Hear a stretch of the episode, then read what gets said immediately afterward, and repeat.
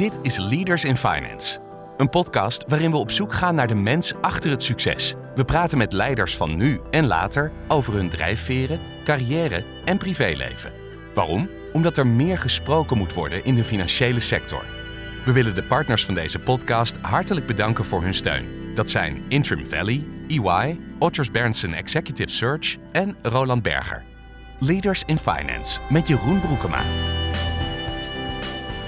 Welcome to an extra episode of Leaders in Finance. This time from Money 2020 live, quote unquote, because we will be uh, publishing this very, very quickly after uh, we have recorded it. And it's Money 2020 in Amsterdam, and I'm very excited to speak to Joost van Houten, the CEO of Sentinels. I interviewed Joost uh, for a regular episode of Leaders in Finance before. That was number 90. Uh, currently, we're about 106 or somewhere uh, in that range. And the main reason I requested to talk to you, uh, Joost, is uh, what I read about the announcement you did, I think, if I'm not mistaken, on the 25th of April, that Sentinels was bought by Fenergo. And I'm really, really interested in how this all happened and, and what happened. You were bought only after a few years being in business. So please um, take it away. Yeah, thanks, Jeroen, and it's great to speak again. Um, yeah, it's uh, the acquisition by Fenergo uh, was not something that we had planned intentionally. Uh, rather, we were uh, fundraising again. So, um, as Sentinels, we're building uh, transaction monitoring software, and we've been venture funded from the very start. So, we were in uh, the process of raising for our Series A. And by coincidence, during that time, Fenergo reached out and we started the conversation which was initially also not around an investment, but around a partnership. So Fenergo makes uh, KYC and client lifecycle management software, and they mainly serve uh, tier one and tier two uh, financial institutions, um, mainly banks. Um, and they were looking for additional uh, partners uh, that could provide software that they have not built yet in house. Um, and throughout that uh, process of fundraising that they also learned about, they got more and more interested, got to know us better, we got to know them. And when we had uh, an offer from a venture capital fund on the table, that's when they also uh, said, "Look, we want to invest." And actually, it's not a minority investment. We want to acquire the company. Was that the first time you they told you, or did you already have a strong feeling this was going to happen? Now, here and there, we had a, a, hint of what was coming because the people that we were talking to were their senior management team. Um, and often, when you set up such a partnership, it wouldn't necessarily be their full management team. Uh, but we had also told them that look, we were prioritizing the, the fundraising with the venture capital firms. Um, and it still came a bit as a surprise that uh, they wanted to make an offer to really uh, fully acquire us. Did you think about it a long time whether you wanted to go down this path, or did you actually right away think, well, this is interesting, we need to explore this?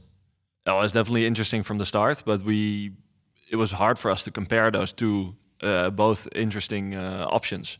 Uh, we got to know the the venture path quite a bit, and we knew what to expect there.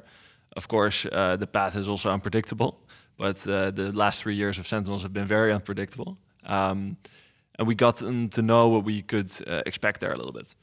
Um, with Fenergo, that was a totally different story. So we needed to take a little bit of time to get to know Fenergo, to understand how we our strategies would align and if actually this would uh, be the most beneficial option. Um, uh, of course, it turned out to be. Right, right. Yeah, I mean, clearly.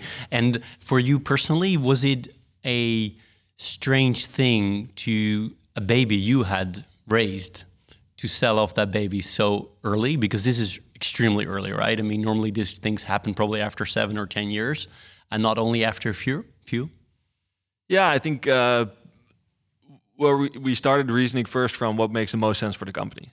And there, there's a very strong product uh, synergy. Right? They've got a uh, complementary product uh, and are not yet active in the transaction monitoring space. But it is very beneficial to connect the worlds of KYC and transaction monitoring because then you get a connection between what was the expectation of how a client of the financial institution is going to behave and the monitoring of their actual activity. And that you can then very nicely compare.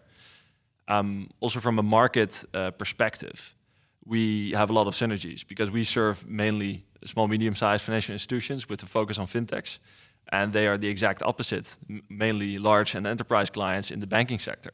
So when you've covered those more, uh, yeah, strategic rationales, you get to think about as well what is the personal uh, rationale, um, and then you quickly arrive at the question: Why am I actually doing this? And for me, there's there's a couple of reasons. The the first one is I want to build a product that can disrupt an industry in a positive way. And I think it's exciting that we're building that and we get to continue to do that. And with Fenergo, we get to do it at a larger scale, a larger podium. And that is really, uh, yeah, I think a chance that it will only come by uh, very few times. Um, the second, also personal reason is I'm in it for the learning. Um, I find it really motivating to see that six months ago I was doing something totally differently. We talked a little bit about this in our previous discussion. Uh, I find it motivating to see that in myself, but also the people around me. And I know that with this acquisition and becoming one company and working to together towards an IPO, um, yeah, there's going to be a huge amount of learning coming there. Different probably than the path we were on, but uh, learning nonetheless. Yeah, makes makes total sense. And I'm pretty sure you're not gonna tell me uh, how much money there's paid for buying this business, correct? No, that's correct. Um, but you do, uh, you you probably do tell me that you will stay as CEO and the name Sentinels will be there. Is that correct or not? So I will definitely continue as uh, the CEO, and uh, Sentinels um, continues to operate as a uh, kind of an independent business unit under the Fenergo umbrella. Um, and of course, we will look for combinations and synergies also uh, in how we organize our business where it makes sense. Um, and the name Sentinels, um, yes, we are uh, very likely keeping it, but actually, uh, we were already looking at ourselves uh, potentially changing it in the future. So the the option is uh, on the table that uh, we may change it. We don't know yet. Let's see. Let's see where that, where that's going to go. And um, you you already mentioned the, the, product, right? And where where you guys have a good uh, good fit. Does it mean that you have a much better chance of acquiring new customers as well yourself?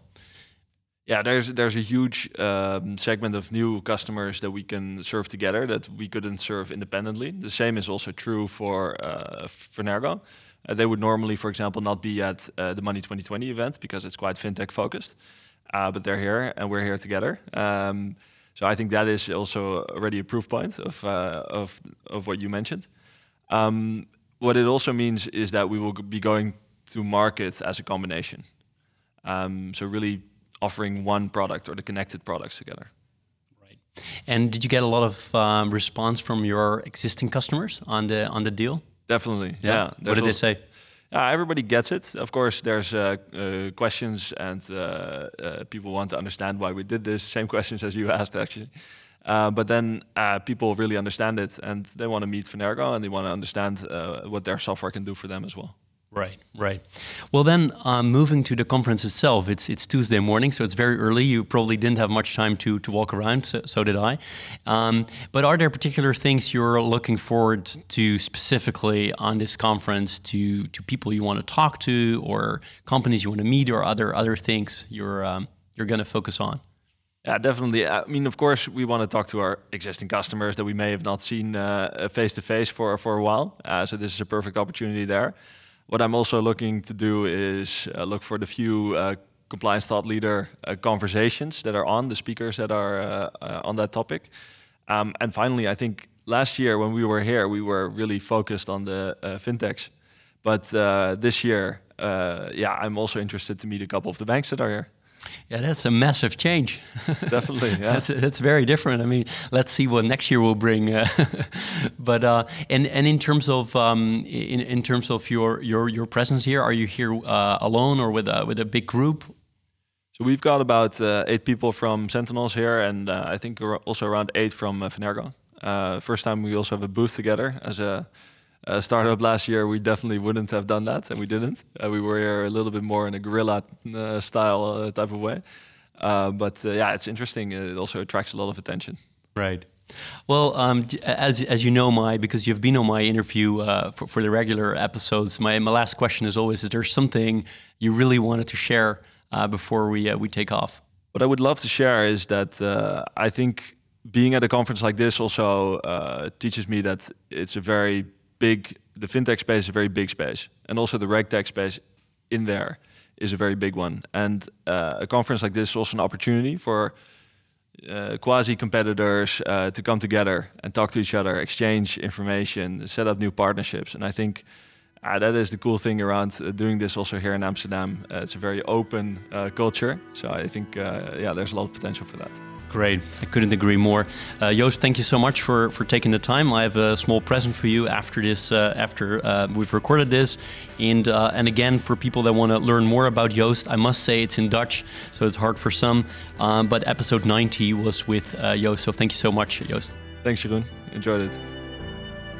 Dit was Leaders in Finance. We stellen je feedback erg op prijs. Wat houdt je bezig en over wie wil je meer horen? Laat het weten via een Apple of Google review. Dat kan ook via de sociale mediakanalen of direct via een e-mail. Tot slot danken we onze partners voor hun steun. Dat zijn Interim Valley, EY, Otters Berndsen Executive Search en Roland Berger. Bedankt voor het luisteren.